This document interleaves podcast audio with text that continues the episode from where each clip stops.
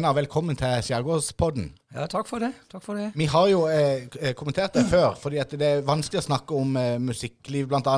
Eh, uten å komme inn på Steinar Salvesen. Eh, det er vanskelig å snakke om politikk uten å komme inn på Steinar Salvesen. Det er vanskelig å snakke om idrett uten å komme inn på Steinar Salvesen. Du er, du er jo ikke en gammel mann, men du har jo opplevd vanvittig mye i ditt liv. Så for å liksom bare ta det tilbake, Steinar Salvesen, hvem, hvem, er, hvem er det? Jeg er jo født og oppvokst på Vigeland. Ja, og, og, og når snakker vi da? Vi snakker om tre år etter krigen. 48. Åt, du er født i 48, ja. Ja, det er. Ja. Da, ser du på deg sjøl som en sør-Audnedøl? Eh, på mange måter gjør jeg det. Ja, så du har det i deg? Eh, du altså, eh, jeg har trent både MK og i vakt, men i vakt ligger nok nærmere hjertet mitt. Ja, det gjør Ja. det fremdeles, ja. Ja, Ja, ja, ja. virkelig. Ja. ja, du er født på Vigeland i 1948. Eh, du, men hvor, hvor eh, tok veien deg videre? Nei, eh, jeg var russ i 67. Da var jeg 18 år og noen måneder gammel, og så da spilte jeg allerede i, i, Heartbeats. I, I bandet Heartbeats. i bandet Heartbeats. og hva slags band var dette? Du, det var eh, Gabriel Johannessen og Hans Lonås og, og Kjell Johnsen og meg. Var det Mandalsbandet, eller var det Nei, Vigelandsbandet? det var Mandalsbandet. Ja, det var Mandalsbandet. Det var Mandalsbandet. Ja, ja. Uh, og vi spilte eh, Det var jo bare Rolling Stones var bare tre-fire år gammelt da. ja, det var det jo. Så, så så det, var, det var ikke så mye Beatles, det var, det var Stones. Og det var inspirert av Stones? Det var inspirert av Stones og ei gruppe som het uh, Pretty Things. Ok, ja. Uh, og, og, og, så um, vi sang mye eh, tostemt og trestemt. Ja. Var, var Stones fremdeles eh, eh, som blueslandskapet da? For de var litt sånn prega av blues, Ja, var det ikke de spilte Tell Me og, og, og, og, og sånne låter, men det, de, det var før dere var født. Ja, ja, ja, det var det. Ja. Men gikk, gikk de mye i coverlåter, eller hadde dere egne låter? Nei, det var coverlåter stort sett Ja. hele tida. Ja. Og, og vi, og vi, eh, vi spilte Ja, det Jeg husker en gang vi spilte på Josheim. ja. Det var fire, 450 betalende billetter, og jeg tror alle var inne samtidig omtrent.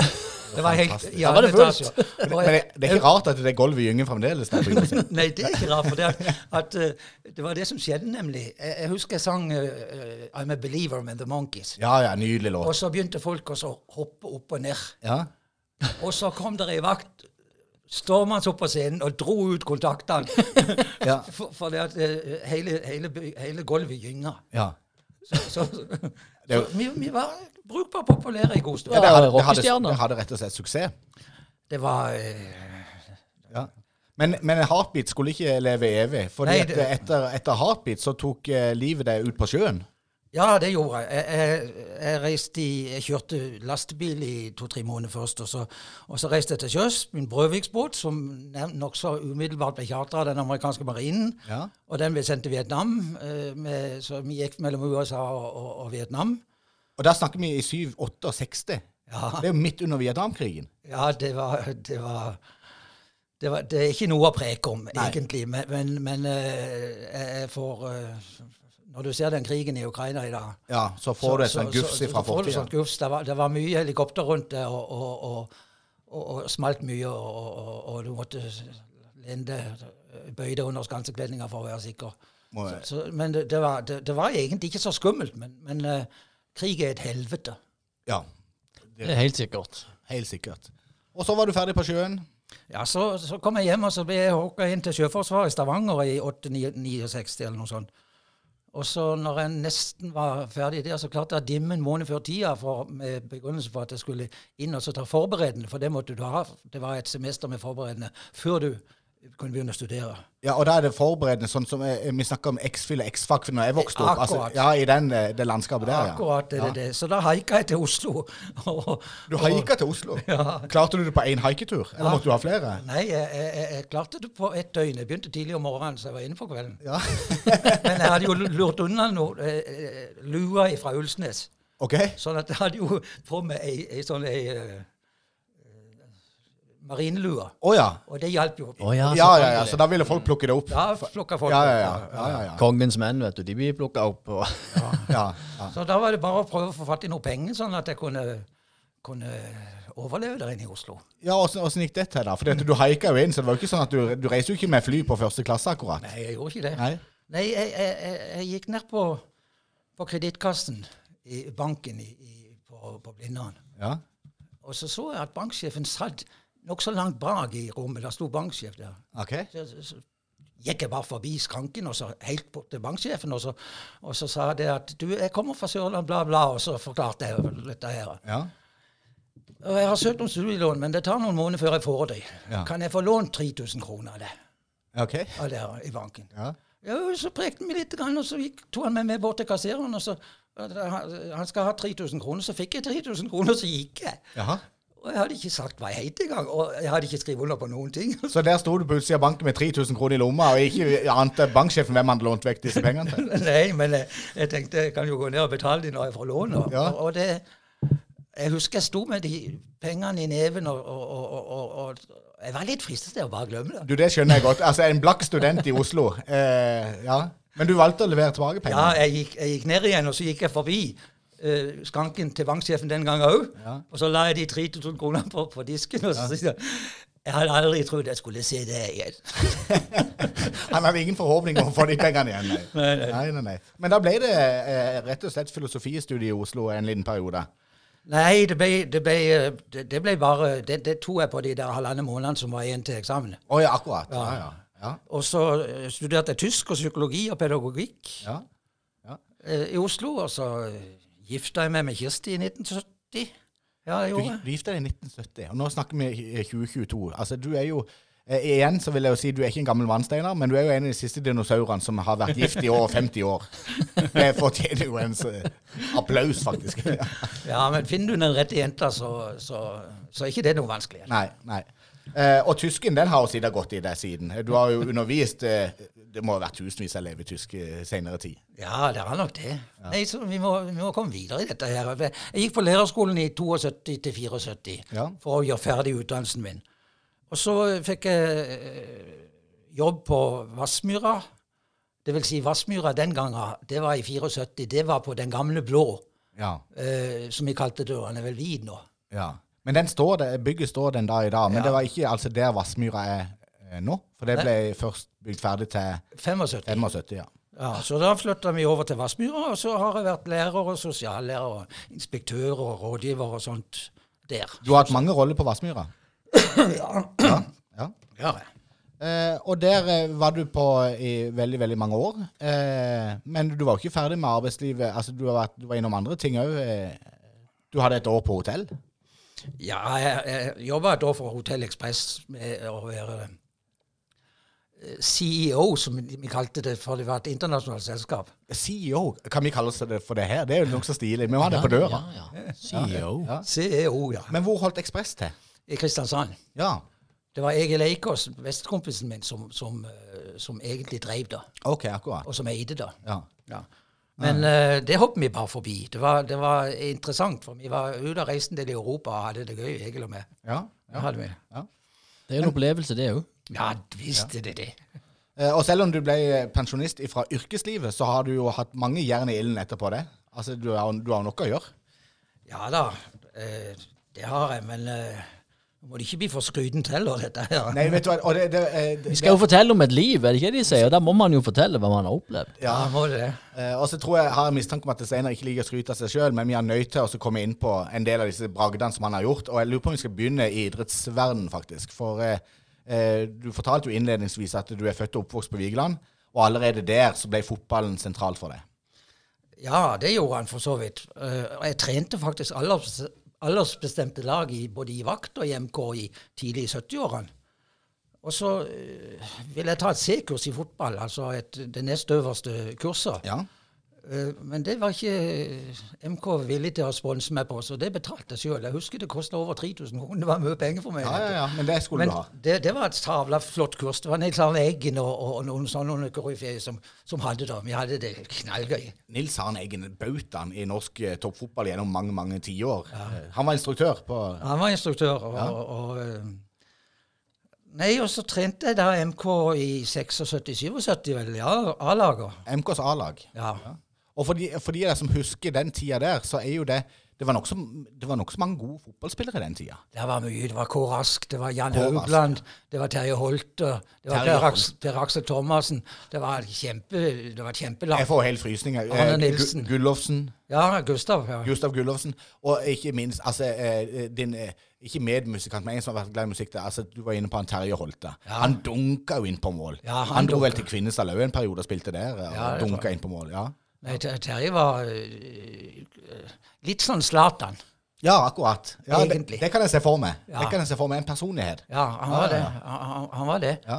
Og, men så skjedde det noe veldig interessant i den ene sesongen der. For i 77-sesongen så holdt det nesten til noe helt stort. Ja, ja, ja, ja. Og Hva var det som skjedde i siste seriekamp der? Nei, i siste seriekamp så, så øh, blåste det av kampen. Vi var ferdige, og vi hadde vunnet, og, og alle trodde at vi hadde vunnet serien. Men jeg visste at øh, de kunne skåre i Kvinesdal de siste par minuttene. Ja. Men Gustav og, og, og- de, de kom øh, løpende bort til, til benken, og så heiv de meg opp i lufta. Men akkurat idet de heiv meg opp i lufta, så kom det på uh, Fikk vi beskjed om at de hadde skåret i Kvinesdal, og da jeg, jeg ramla rett i Da slapp de det bare rett ned. Slapp meg bare rett ned. Så, så treneren til MK gikk rett ned, og MK rykka ikke opp. Så det var i siste minuttet der. Ja, det var i siste minuttet. Men det var sikkert ok, det. Ja. Men òg som trener i vakt så hadde du jo virkelig suksess. Ja, det var, det var eh,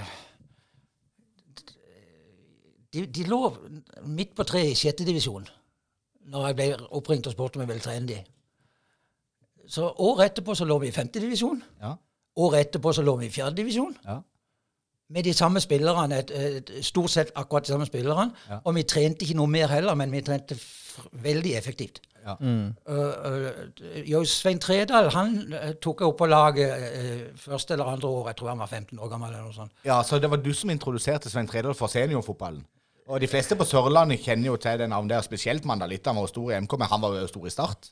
Ja, jeg husker, jeg husker jeg sa til Svein første gang For du, du får juling når du kommer inn som 15-åring. med, Selv om du er bedre enn de andre til å spille, så får du juling av de andre spillerne. Det, det er tøft og hardt. Ja. Jeg husker jeg sa til Svein at du kan spille som en rød i denne kampen. Ja. Du skal likevel få, få uh, første omgang til neste kampen. Akkurat. Men hvis ikke du presterer i løpet av første omgang neste kampen, så tar jeg deg ut. Ja. Og han spilte, spilte ikke noe særlig godt den første kampen. og første ti minuttene så spilte han dårlig, men de siste 20 minuttene av, av første omgang i andre kampen, så rundspilte han jo folk. ja, ikke sant? Ja. Og siden spilte han jo. Akkurat. Ja, ja, ja. Og jeg må jo si at jeg er jo født og oppvokst i Idrettsparken med Svein Trailer som et av mine store forbilder. Og jeg har spesielt et fint bilde av Svein Trailer som ikke er så veldig sånn idrettsligaktig. Men det var i pausen i tredjedivisjon mellom MK og et eller annet lag fra Langesund eller et eller annet sånt. Og så var det pøs regnvær. Alle spillerne til MK var gått inn i garderoben for å få peptalken. På den tida var det kanskje Rolf Hægeland som trente MK, jeg er litt usikker. Men da ble Svein Tredal stående igjen ut forbi tribunen og røyka. Rollings. I pausen av kampen. Og så dunka han jo inn på tre-fire mål. Ikke sant? Han var jo enestående. Men han var jo liksom personlighet. eh. Jeg trenger ikke peptalk. Bare blås av andre omgang. Ja, så han sto med rollings på utsida i, i pausen. I pøs regnvær, husker jeg. Ja. Ehm, men Men jeg, eh, jeg benytta meg jo av noen sånn litt sånn rare triks. F.eks. når jeg skulle trene MK. Ja, Så skulle de egentlig hatt en trener fra Kristiansand. Jeg husker han skulle ha kosta 22 000 OK. i den tida. Ja. Og så spurte de om jeg skulle ha. Så sier jeg jeg skal selvfølgelig ha sam, like lønn, samme lønn som han Kristiansand. Og han er jo ikke noe dårligere i Mandal enn i Kristiansand. nei. nei. og, så, og, så, og så Men jeg skal ikke ha de pengene. De pengene skal settes av på en konto, og så skal vi ha buss til alle bortekampene. ja.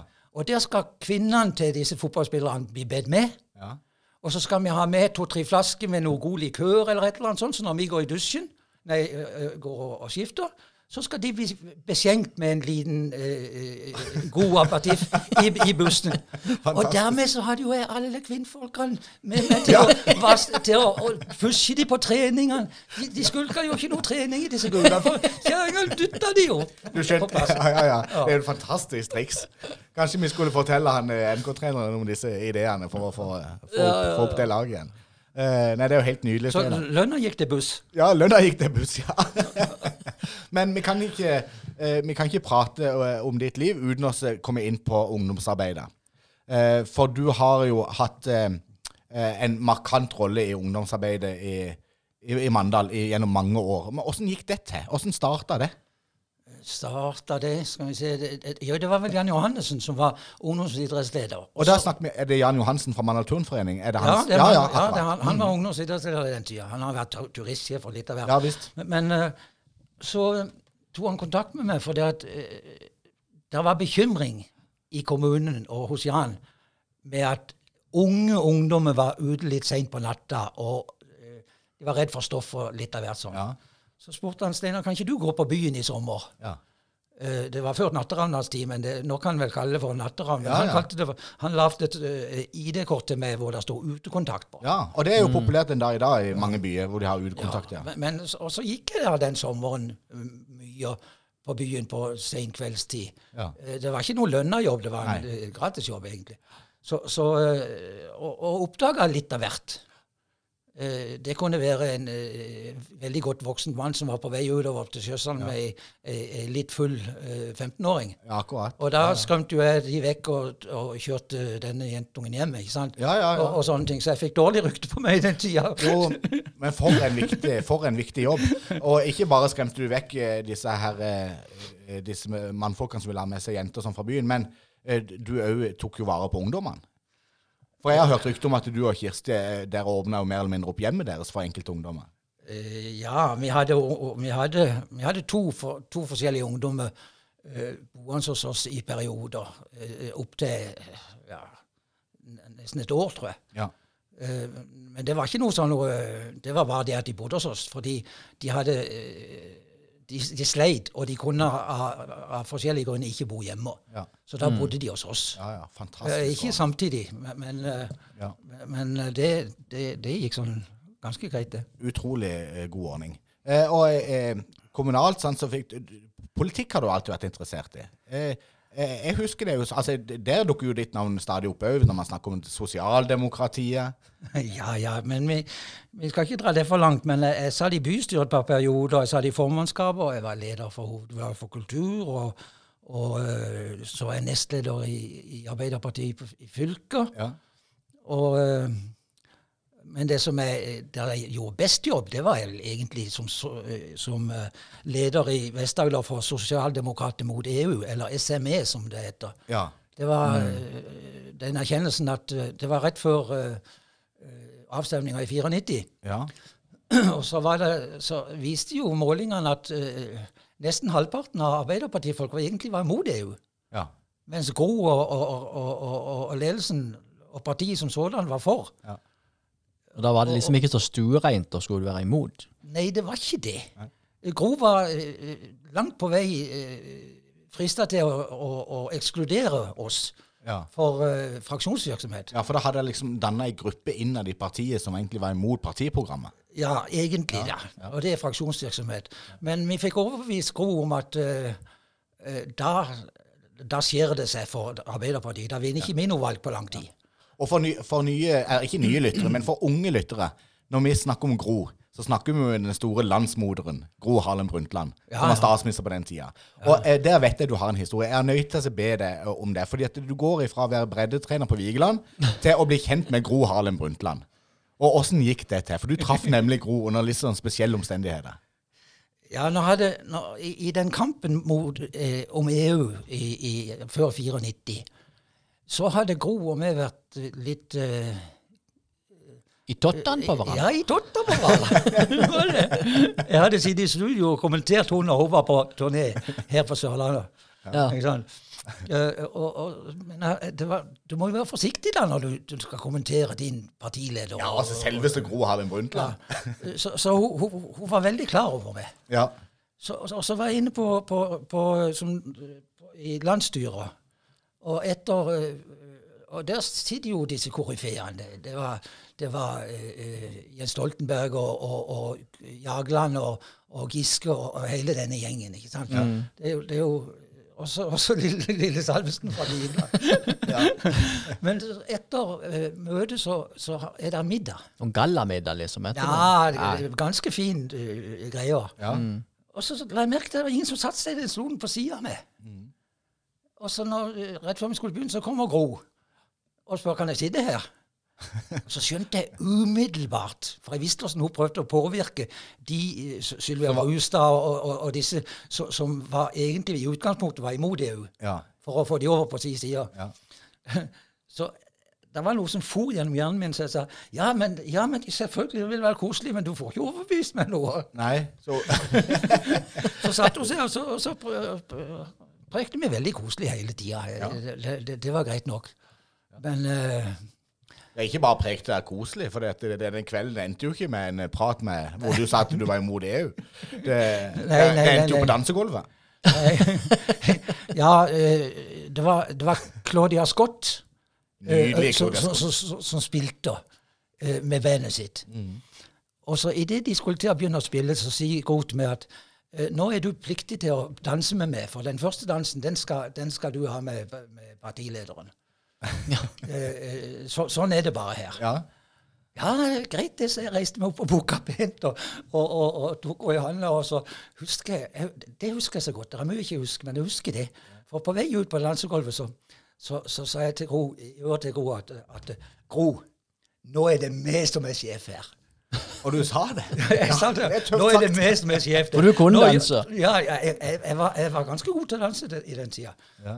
Så, så, så, så glemte jeg neven der, altså den neven du holder i når du, når du danser.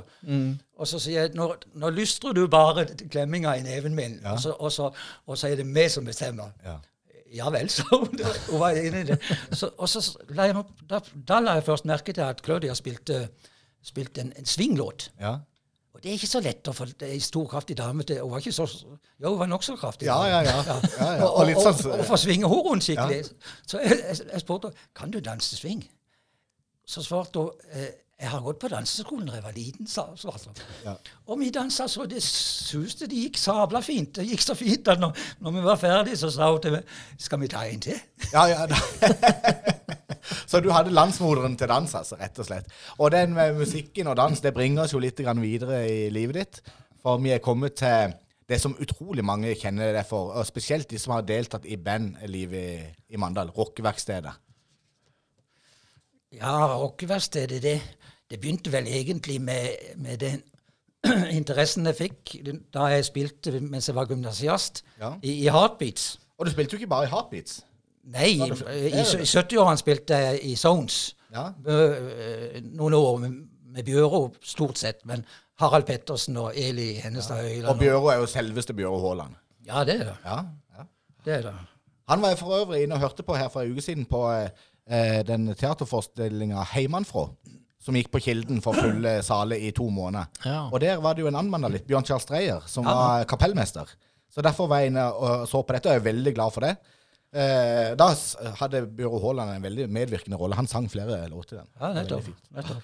Men rockeverkstedet, det kom til. Rockeverkstedet kom vel til i, i Altså, in, det, som, det begynte med egentlig at det var litt bråk nede på Narvesen på Rudby-stasjonen. Jaha. Og så Da hadde de ansatt en utekontakt i kommunen. Og Så ringte den utekontakten til meg og spurte om jeg kunne finne på noe for å, å løse opp i dette her. Ja. Og så tenkte at det, det måtte være noe med musikk. Ja. Og så sendte jeg ut rykte blant, på byen om at alle som var interessert i, i rock og musikk og spille i band, Ja. de kunne møte på lærerværelset på Vassmyra. Ja. Og det ble nesten fullt, det lærerværelset. ja. Ja. Jeg husker Kjetil Kleven og, og, og, og det, var, det var den generasjonen. Akkurat. Adon Kjødevåg og Ja, ja, og Kjetil Kleven spiller jo i bandet Columbus den dag i dag. Jeg vet jeg skal ha konsert på Sjøboden i disse tider her. ja, de, de, de de begynte de holdt det. Det har hett Columbus helt siden Det da. stemmer, det. Det stemmer for det at jeg, når jeg hadde Sjøboden, så arrangerte det en sånn en 30-årsjubileumskonsert med Columbus. Ja, sikkert. Ja, ja, ja. Ja. Så det stammer fra den tida der. Egon, Egon Skretting og han spiller jo i bandet fremdeles. Erik uh, Mortensen. Han spiller vel en Han spiller òg i bandet. Ja. Ja, ja, det er jo ja fantastisk. det, det var Mar Mardon døde. Ja, Så, så, så det var, var Mardon egentlig de mangler. ja, ja, ja. Og de spiller, de er aktive som bare det. Så, men de fikk altså sin rot da, eh, i rockeverkstedet. Ja, og da sa jeg til dem at, at, at, at har bom, vi har et bomberom her inne i, i, forbi. Ja, Vi innredet det til, til, til et sted som vi kan øve. ja. Og da jeg fant på begrepet rockeverksted. Og, det- og det var det første uh, Det var det en eller annen som sa til meg som, med disse musikkmidlene at det var første gang vi kom over begrepet rockeverksted, det var fra Mandal. ja. Så jeg tror vi fant opp det, det, det Ja. greia der. Ja, ja, ja. ja. Og så, så satte vi inn Da hadde jeg eh, vel egentlig slutta å spille, så da satte jeg inn det jeg eide av, av, utstyr. Og så Mardon satte inn sin uh, forsterker, og, og de som hadde noe, de satte det inn. ja. Og, og så fikk jeg fatt i noe mer, og så, og så uh, kunne alle øve der. Ja, for dette var ikke bare noe sånn skoletilbud. Dette var, Nei, det var ikke skoletilbud. fritida. Det var ikke skoletilbud. Ah, ja. Så det her, her var de og øvde dag og natt, i helger og kvelder? Ja, det var, det var først etter, etter at det ble etablert at, at det jeg tok det i bruk for skolen. For da, den tida så var det valgfag. Ja. Uh, og, og det var fire timer valgfag i uka. Så fikk jeg uh, Vassmyra til å legge de fire timene etter hverandre. ja. På mandag, husker jeg. For da kunne vi få gjort noe skikkelig noe ja. med de valgfagstimene. Og, og eh, det var vel der uh, veldig mange Alle som gikk på Vassmyra, lærte seg jo. Absolutt alle. Ja, for da hadde vi liksom fire stykker som satt og spilte bass. Ja, ja. eh, fem stykker som spilte keyboard. ikke sant? Tre trommesett på siden av hverandre. Og, og en haug med mikrofon til å synge i osv. Så, så, så, så der, der ble en del av opplæringa gjort. Ja, og alle som har gått på Vassmyra siden denne tida her, og da snakker vi vel begynnelsen av 80-tallet, rundt der en plass Alle som har vært på Vassmyra som elever, har jo eh, gjort seg bekjent med et eller annet instrument. Ja, de og, har det. og helst òg deltatt i Vassmyra Grand Prix, som ble et resultat av det altså, for elevene, hvor de spilte for andre medelever lærere og det, og det som var. Ja. Eh, det, det er jo helt utrolig. Det, det har betydd altså, Det må vært hundrevis av bandmedlemmer som har øvd på Ja, for vi tok musikklassen, og så delte vi den i fire etter interesser. Og så hadde vi etter hvert fire forskjellige øvingssteder på, på Vassmyra. Sånn at noen av musikktimene kunne de bare gå inn i de ordinære musikktimene. Ikke i tilvalgstimene, men de ordinære. Så kunne de gå inn i, i, i et lite øvingslokaler, sånn at alle sammen kunne få øvd. Så det, det var bra. det. Jeg husker jo jeg husker jo det ble så populært med, med, med den der tilvalgsfirmaen. Bully, vet du. Du vet jo hva Ja, han ja, ja, på Ekspert på Power. ja. Uh, Bolli fikk jo greie på at, at de hadde fire timer tilvalgsfag her, og det hadde jo ikke på Blomdalen. Nei, for han gikk på Blomdalen, ja, selvfølgelig. De hadde jo ikke noe sånt. Så Bolli kom til meg og spurte kan ikke jeg gå på Vassmyra på mandag. Hver mandag så vil han gå på Vassmyra. Ja, Så ringte jeg til, ringte til, til Blomdalen, og så sa jeg "Nå, Bully må gå på Vassmyra på mandag. Ja, Ja vel, ja vel, greit nok. det var greit, det. Ja, Han gikk de fire timene der. Hva han gjorde de to siste, altså, siste timene, det vet jeg på. Men Bully er Bully. Ja, men det er jo helt utrolig. Men han, han var jo så dritgod til å spille gitar. Jeg har ikke lært han i toner. ikke sant? og, og det er han jo den dag i dag. Han, han holder jo på i studio i As We Speak sammen med Stefan Schulze Ja. på et eget prosjekt som har fått vanvittig med anerkjennelse ute i det store utland. Altså, det, det er jo virkelig Han òg gikk sine barnesko som ungdomsskoleelev på rockverkstedet. Altså. Ja, jeg husker jo Wolly. Han, han var med på, eh, til, på jula. Så hadde vi alltid juleavslutninger i gymsalen. På, og der kom presten inn ikke sant? Og, og holdt noe tale. og noe. Og, så, og der stilte vi alltid opp. Eh, da spilte Ja, det husker jeg Rockeverksted-prosjekt eller, eller de. Ja. Og da sa da fire-fem og spilte bass, og, og, og, og seks-syv og spilte gitar. Og. Men, men vi, så spilte vi Glade jul ifra de åpna Ja. eh, eh, dørene. Så spilte vi, vi spilte vel Glade jul et kvarter, tenker jeg. ja, ja. Mens alle kom inn. Helt sånn rolig og fint. Og så, og så var Bully med det det året. Så sier, så sier, eh, så sier jeg til Bully, kan ikke du spille eh, melodistemmen for dette her? Ja. Og så sier han, jeg husker han sa, kan jeg bruke først? Altså sånn distortion. Kan jeg bruke først? Ja visst pokker kan du bruke først, sier jeg. Du kan spille akkurat som du vil. Eneste, eh, Vi må kunne kjenne igjen at det egentlig er Glade jul. og jeg glemmer aldri åssen han spilte den med først, med den følelsen, og sånn som bare Bolli kan spille. Glade jul. Presten, når presten kom inn av døra, så ble han bare så til himmelen med øynene. Han hadde aldri hørt Glade jul på den måten før. Du, Dette kommer til å bli kommentert, Steinar, for jeg møtte jo Bolly senest i går. Og han følger jo med på hver eneste episode vi har. Han sitter klar hver torsdag for å høre på dette, og jeg nevnte for han at vi skal ha en prat med Steinar. Det gleder han seg spesielt mye til. Og nå fikk jo han så mye reklame her at vi burde egentlig få en TV fra Power i retur, tenker jeg. Men, men det sier jo litt, det betydde mye for Bolly å komme fra Blomdalen til Vassmyra. Og det betydde vanvittig mye for utrolig mange folk å kunne gå til det rockeverkstedet. Og jeg har en bitte liten overraskelse til deg her, Steinar. For jeg har nemlig fått eh, et par lydfiler som illustrerer hvor mye det betydde. Og de har jeg fått fra to som du kjenner veldig godt. Katrine Nord Gundersen født og oppvokst på Ime og var en del av Vassmyra, og òg senere med Rockeverkstedet. Og Bjørn Hunt, som har vært en del av Vassmyra, som har jobba der sjøl, og som på en måte på litt har tatt arven videre med Rockeverkstedet. Skal vi høre hva de sa i forhold til dette her? Det er mange personer som i løpet av min barndom og min ungdomstid har vært med å inspirere meg og latt meg få lov til å utfolde meg. Men jeg kan trygt si at Steinar Salvesen, du har vært en av de viktigste brikkene. For meg så var du både en mentor og en viktig pådriver for at jeg både turte og skjønte at scenen og kreativt samarbeid var midt i blinken for meg. Du skal ha mye av æren for at Mandals kulturliv og ikke minst bandlivet storma bokstavelig talt på 80- og 90-tallet. For ei tid! Vi er mange som i dag kan mye, og litt på et instrument i dag pga. det. I tillegg så lærte du meg og de andre viktigheten av å kunne stole på hverandre, og ikke minst evnen til å løfte hverandre opp. Framsnakk var du veldig god på. Jeg har skrevet navnet mitt i avtaleboka så mange ganger for å øve på innklubber på Vassmyra. Og jeg har så mange ganger fått en klem eller et klapp på skuldra etter en opptreden av det. Jeg tror ikke du er klar over hvor viktig du var for meg og de andre. Og det er òg en ting som jeg har lært av deg. Ydmykhet.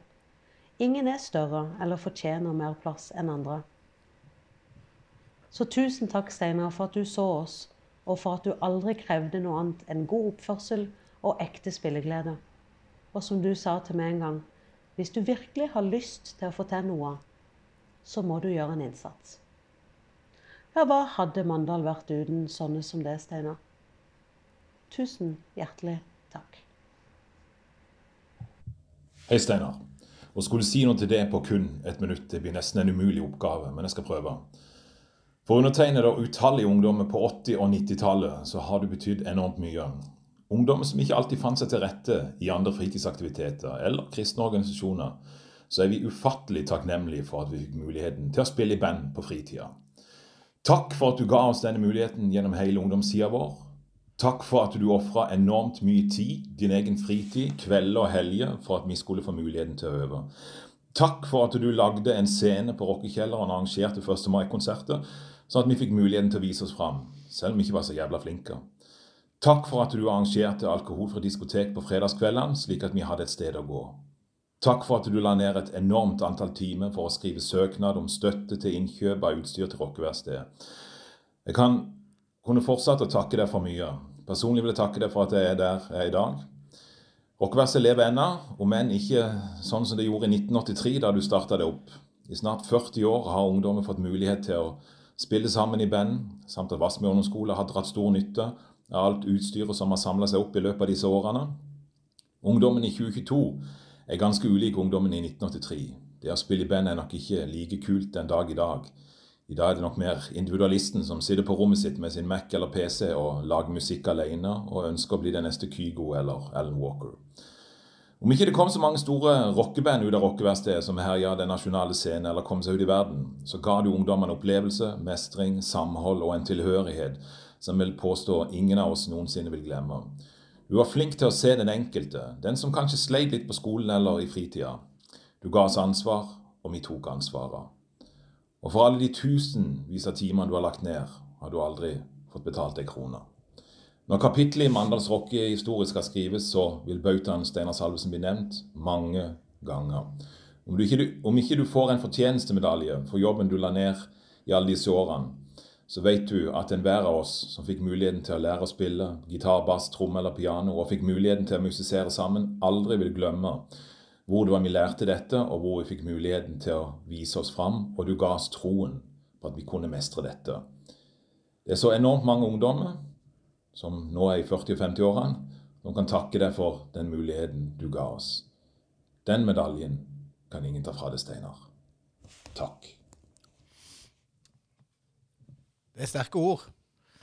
Ja, det, det er nesten så du dogger på brillekassa. jeg må ikke si, Når jeg har hørt disse lydfilene flere ganger, men jeg får like mye frysninger for hver gang jeg hører dem. Og dette er jo bare to stemmer av hundrevis. Ja. Men det, det, det balte jo på seg, dette her. For det etter hvert så hadde vi fire øvingssteder. Vi hadde øvingsstedet på uh, Rockeverkstedet på Vassmyra og i, i musikkrom på Vassmyra. Vi hadde i Kyllinggata, der Ja. nede med Smiths dampbakeri. Ja, Var det Det- øvingslokale der òg, ja? Det var øvingslokaler. Ja. Og, og, men det var jo knallharde betingelser for det at jeg hadde jo sagt at hvis jeg ser ei flaske øl inne på et øvingssted, Yes. så er det stengt for godt. Ja. ja.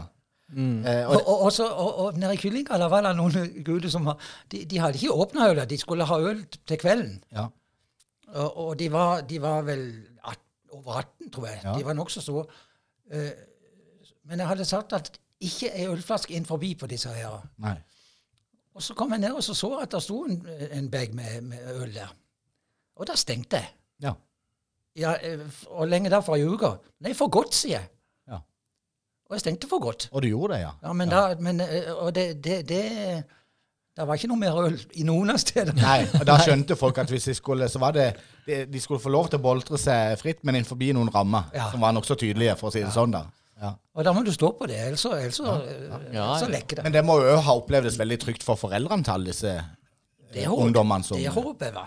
Ja, det vil jeg jo absolutt tro. eh, Vi, vi kommer jo inn på det, men for vi skal jo snakke litt om rockekjelleren. Og du hadde jo den profilen der òg. Eh, og jeg husker jo når vi kom fra Ime til den store byen og skulle på rockekjelleren på fredagskvelden og ble kjørt i, i transporteren til Miguel Ardiles, så var de jo 100% trygge på at eh, barna de sine hadde det godt når de kom på rockekjelleren. Selv om de skulle til storbyen som Mandal var for Ime-folket. Ja, det var jo det, men, men det begynte ikke med rockekjelleren, skjønner du. Nei. Det begynte med at uh, kafeene i byen ble lagt ned og gjort om til skjenkesteder. Ja.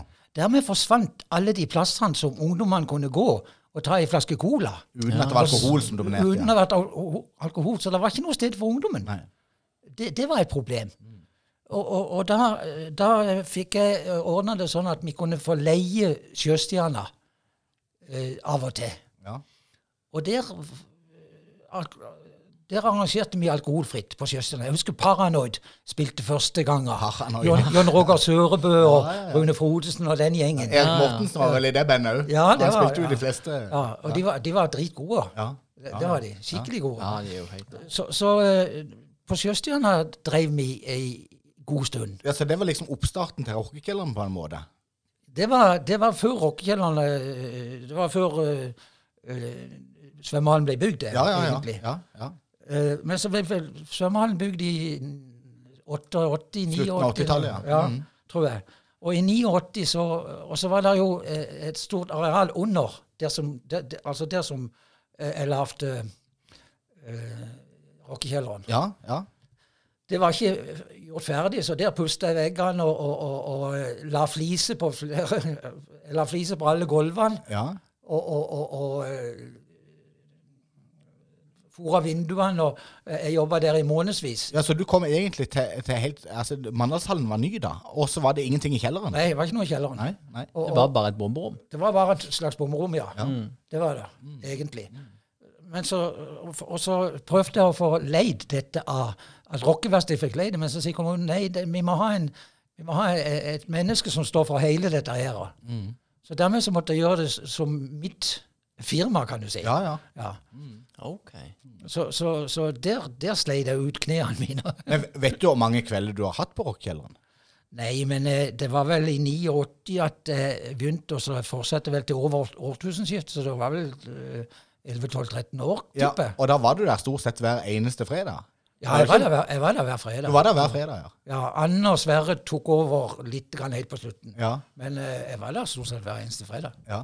Og, det, og rockekjelleren ble jo en institusjon for ungdommene i, i Mandal, Ja. eh, inkludert eh, undertegnede. Men det, og det, kom, det var ikke bare fra Mandal, det kom jo ungdom fra hele regionen, altså ut forbi regionen. Ja, de kom i buss fra, Farsund og, Ja, ja. og, og, og forbi. Og så og så var det himla greit for oss som hadde faktisk, eh, selv om jeg anses som ekstrovert av veldig mange, så er jeg jo ekstremt introvert. Spesielt når det kom til den klindansen siste, siste låta på rockekjelleren. Jeg lurer på om rockekjelleren stengte klokka tolv, kan det stemme? ja. Og så var det sånn fem på tolv, jeg gruer meg alltid til det. For jeg hadde jo kjæreste, men da skulle alltid hun by meg liksom opp til den siste clean-dansen. Og da hadde jeg jo vært i biljardrommet egentlig hele kvelden. Helt fri for uh, sånn uh, angster. Og så var det de siste fem minuttene der med For det, du hadde jo DJ-er, og det var jo vanvittig populært. Og det var jo noe for alle. Alle passa jo inn på rockekjelleren. Ja, jeg tror det var Det var eh, Jeg tror det var ganske bra. Og de flotte båsene som sto i biljardrommet der. Ja, nei, det var Det var, Var det ikke sånn eh, Var det galekjøkken inn- inni der? Ja, da. Han drev jo kiosk. pommes frites og Ja, han drev jo sånn Ja, ja, ja. Det, det, det kjøkkenet lavte jeg og delte det av i enden av bomrommet. Ja. Ja. Og, og eh, min svigerfar han, han lavte skapene der Å ja. og sånne ting. Ja, ja, ja. Men uh, det, det som var så gøy, det var det at uh, de vennene som øvde på rockefeller, Ja. de måtte jo ha en nøyle der. Og den nøylen gjorde en avtale med politiet at den hang på politikammeret. Oh, ja. Og så sa jeg til at hvis det kommer en ungdom her og så spør om han kan få nøkkelen til rockekjelleren, så skal jeg bare gi dem den. Ja. Og i alle de årene så var det aldri noe problem. De henta den på politiet og leverte den etterpå. ja. Så, så det var godt samarbeid med politiet i, i den tida. Og da fikk folk lov til å øve der og, uten at det var voksne til stede. De tok ansvar. De fikk, det er jo som Bjørn Hunt var inne på. Eh, Du ga oss ansvar, og vi tok ansvaret. Ja da, det, det var, Så de passa på, de rydda etter seg. ja, og så hadde de sånn i dagbok sånn at de skrev hvem, som var der, og hva de gjorde. sånn. Alle jeg snakka med i Mandal som har drevet med band, de kommenterer den dagboka. Eh, og nå vet jeg jo at de holdt på med å snakke om det før, med Oddleif eh, Steinsland, Bjørn Hunt, eh, Ylla. Det er jo flere som holder på nå å skrive ei bok om Mandals rockehistorie. Eller Mandal musikkhistorie. Og da er jo den avtaleboka er veldig sånn Jeg tror nesten det får et eget kapittel. For de er jo blitt bevart, mange av disse Ja, jeg, hadde, jeg sparte på alle. Jeg hadde en hel kasse med de som jeg, jeg ga til, til Oddleif for deg. Og så hadde jeg en fryktelig Nesten alle konsertene, alle 1. mai-konsertene og sånne ting, det hadde jeg på VHS. Ja. Det har jeg jo gitt til deg. ja. Så, så, så eh, hvis noen vil se det, så Og det er det garantert mange som vil se. Og i disse tidene her hvor ting skal digitaliseres, så er det jo kjempefint å få tak på altså at Oddleif for de har tilgang på disse kassettene og får gjort det om til et format som alle kan se. Kjenner jeg blir bekymra nå, for jeg er med på en av de konsertene der. Og er du det? Ja, Ja, er jeg spilte en låt i en rosa pelskåpe. Med hår langt ned på ryggen. eh, inspirert av Twisted Sisters. Nå Eller? kan jo dette komme ut. Nei, de Hvordan har, låt spilte jeg, da? Det, vi, vi lagde låtene sjøl. Oh, ja. Ja. Ja, ja, ja. Hva heter den for noe? Det husker jeg ikke. Vi hadde én låt. Og stort sett den vi øvde på. Men åssen kom de til de 1. mai-konsertene? Hva skjedde? For der er jo, du, er jo, altså, du er jo 1. mai-generalen. Eh, nei, det, var, de kom til med at uh, Det kom vel egentlig til med at uh, vi trengte en uh, Vi trengte et sted som en kunne ha en skikkelig stor konsert. Og, og da fant jeg bare ut at eh, 1. mai var en grei dag. Ja. Eh, For det hadde noe med at den eh, kvelden før 1. mai Det var sånn rølpefeste, da. Ja, sant. Så det hadde jo en tanke bak seg, Ja. selvfølgelig. Så, Ja, ja, så, og, så der, og dermed så eh, De rølpa ikke så mye eh, kvelden før. Nei, de var jo øvd i et alkoholfritt studio som du hadde lagd. Så alt henger jo sammen. Ja, så, så det var nok en baktanke med det. også. Ja, ja, ja. ja. Og det ble jo en kjempesuksess. Eh, 1. mai-konsertene. Og det er jo noe folk snakker om den dag i dag. at det, det er jo det, det er, Folk snakker jo om 1. mai-konsertene sånn som folk snakker om Folkeparken på 60-tallet. At det var noe helt eget hvert eneste år. Men det var jo det, det, var litt av en jobb. Ja. For uh, Lindesnes Avis uh, var, var ikke da så, så gira på å verken komme og ta bilde eller skrive. Så jeg måtte ta bildene, men jeg fikk nøyle til mørkerommet på Lindesnes Avis. Jeg kunne gå der når jeg ville. Ja. Og så, og så skrev jeg omtalen på bandene. Ja. Og hvis du hadde f.eks. 22 band som skulle opptre på, på, på 1. mai-konserten, så måtte du ta 22, minst 22 bilder og skrive 22 omtaler. ikke sant? Men der har jeg jo sett på Facebook at det gjorde du jo. For Ja. disse bildene og de omtalene som du skrev Så du var fotograf og journalist og arrangør av 1. mai-konserten i en og samme person der. Ja, fotofremkaller. Ja, fotofremkaller. Og det dukker opp igjen i dag. Bare minner og sånn. Ja. Nei, det er utrolig. Eh, eh, de, de 1. mai-konsertene, det spørs Og dette var jo selvfølgelig gamle Mandal kino. Ja, Ja, alltid. det var det. Alltid det. Og, eh, og bare for å se, hive inn det, der skal jo vi ha en forestilling Mandal, når vi skal, vi og Loland skal feire Mandal 100 år til høsten. Og da skal vi jo tilbake til gamle Mandal kino. Når vi kommer inn der, så lukter det jo nesten 1. mai-konserter fremdeles. Det er akkurat som det var, bare det at det er litt grann oppjustert, litt pussa opp. Litt Men- nye tepper, litt sånn. Ellers er det Men stolrekkene er der, kiosken er der, og det var noe spesielt med Mandal kino. Ja, det, det, det var det for så vidt. Men, men jeg, må, jeg må få sagt noe, og det er at uh, det var ikke bare meg. Nei. Jeg hadde veldig mange gode hjelpere. Mm. Han som f.eks. alltid var med til siste ledninga var rydda, og, og, og alt var kjørt vekk, det var Bjørn Sigurd Ullebust. Ja, ja, ja. Han, han, og han var veldig god med lyd også. ja. Eh, Så det var, det var, det var mange som stilte opp Og jeg var nokså god til å delegere. Du skal gjøre det, og du skal gjøre det. og du Ja, skal ja, gjøre det, Sånn. Ja. Så det var, eh, jeg gjorde jo ikke alt dette alene. Nei, nei. Nei, det er jo klart at du er avhengig av å ha gode folk rundt deg. Men, eh, men uten Steinar Salvesen så hadde det ikke vært noen Første Mai-konserter eller rockeverksted eller noe av det, for den saks skyld. Nei, det er helt Bjørn Sigurd Ullebust er tilbake i Mandal, eh, ser jeg. Og han følger jo med på denne podkasten her, så han kommer til å få dette med seg. Jeg tror han er tilbake og jobber på Mandal videregående skole eller et eller annet sånt. Ja, han er en, eh, en dyktig lærer. Ja, det tror jeg virkelig på. Ja, nei, dette har vært en uh, utrolig begivenhetsrik uh, liten time. Ja, det har vært veldig interessant. Men du, jeg må hive inn det, Steinar. For 1. mai, 1. mai-konserten. Ja. Som gammel sosialdemokrat, gikk ikke dette litt i konflikt med dette? eh, Rakk du å gå i tog? 1. mai-toget? Eh, la meg si det sånn, jeg har aldri likt å gå, gå i tog. Nei, du har ikke det. Så det kan, det kan godt være at det hadde noe med det å gjøre. Jeg rakk aldri å gå i tog. Nei. Men jeg hadde besøk av en, eh, en minister eh, eh, 1. mai, Ja. som skulle tale, som var med inn i kinoen. Han syntes dette var helt ok. Ja, akkurat. ja. Og, det er det hundrevis av barn og ungdom eh, i Mandal som har syntes var veldig ok. Og jeg gleder meg til de VHS-filmene er digitalisert. Og vi kan få se Loland i rosa kåpe fra 1. mai-konserten i Men 92. En- Endre, nå har jeg, når, når, når jeg overleverte dette til de og sier gjør hva dere vil med det, men, men eh, vær forsiktig med å legge ut noe på, på nettet Ja, ja. uten å spørre de som det gjelder. Det er viktig. Det er viktig. Det må dere love meg, sier jeg til de. Men det tror jeg er veldig godt ivaretatt. Eh, Og jeg ser jo det nå når de prøver å sortere sammen disse tingene, så snakker de jo med alle som er involverte. Så det er jo litt av et arbeid de holder på med, disse Ylla, Oddleif Steinsland og Bjørn Hunt, når de skal sette sammen denne boka. Og det er jo en, det er en lang historie. som Det er skal tjukk bok. Det blir en tjukk bok. Og det, antagelig, forhåpentligvis så blir det noen gøye filmfiler fra 1. mai-konsertene i gamle mann av kino. Håper bare de blir ferdig med oss mens jeg er blant dere. Ja, men det gjør de jo. Altså, du, du, du Steinar, du, du blir en gammel, gammel mann. Det kan jeg garantere. Helt avslutningsvis nå, dette har vært en fantastisk eh, liten time. Jeg er utrolig takknemlig for at eh, Steinar valgte oss å ta turen over til oss her i, i studio. Og så har han jo sagt òg at kanskje vi kan bli med på en aldri så liten båttur til sommeren. Ja, Det hadde jo vært gøy. For den skal vi spare. Det er en sånn eh, rosin i pølsa, er det det det heter? Ja. Ja. At vi skal få lov til å være med i den ærverdige båten til Steinar Salvesen, og kanskje få gjort eh, vår, vår egen greier der rundt den båten.